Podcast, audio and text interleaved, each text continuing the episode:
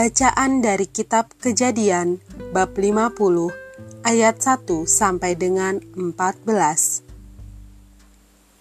Yakub meninggal dan dikuburkan. Lalu Yusuf merebahkan dirinya, mendekap muka ayahnya, serta menangisi dan mencium dia. Dan Yusuf memerintahkan kepada tabib-tabib yaitu hamba-hambanya, untuk merempah-rempahi mayat ayahnya. Maka tabib-tabib itu merempah-rempahi mayat Israel. Hal itu memerlukan 40 hari lamanya, sebab demikianlah lamanya waktu yang diperlukan untuk merempah-rempahi, dan orang Mesir menangisi dia 70 hari lamanya.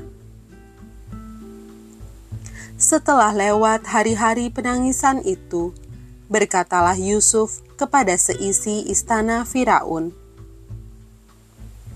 "Jika kiranya aku mendapat kasihmu, katakanlah kepada Firaun bahwa ayahku telah menyuruh aku bersumpah," katanya. "Tidak lama lagi aku akan mati." dalam kuburku yang telah kugali di tanah Kanaan di situlah kau kuburkan aku. Oleh sebab itu, izinkanlah aku pergi ke sana, supaya aku menguburkan ayahku, kemudian aku akan kembali. Lalu berkatalah Firaun, "Pergilah ke sana dan kuburkanlah ayahmu itu, seperti yang telah disuruhnya engkau bersumpah."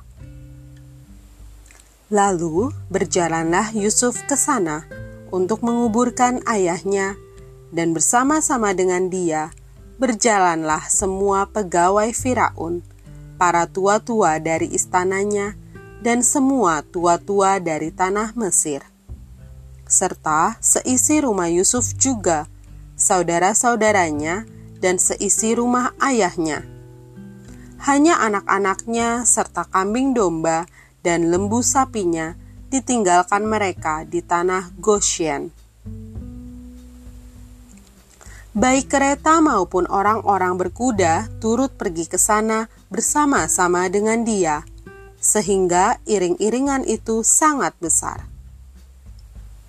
Setelah mereka sampai ke Goren Hak Taat yang di seberang sungai Yordan, maka mereka mengadakan di situ ratapan yang sangat sedih dan riuh.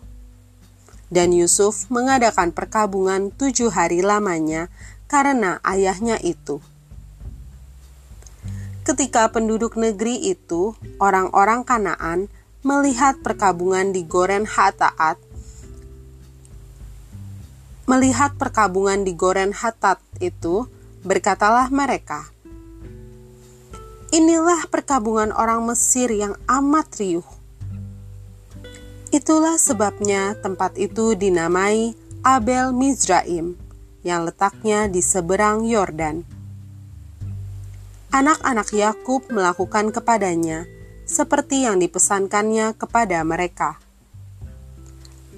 Anak-anaknya mengangkut dia ke tanah Kanaan, dan mereka menguburkan dia di dalam gua di ladang Makpela yang telah diberi Abraham dari Efron orang Het itu untuk menjadi kuburan milik, yaitu ladang yang di sebelah timur Mamre.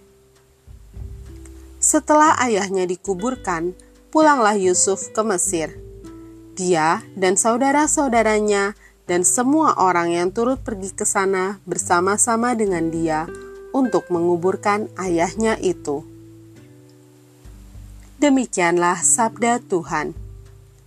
Syukur kepada Allah.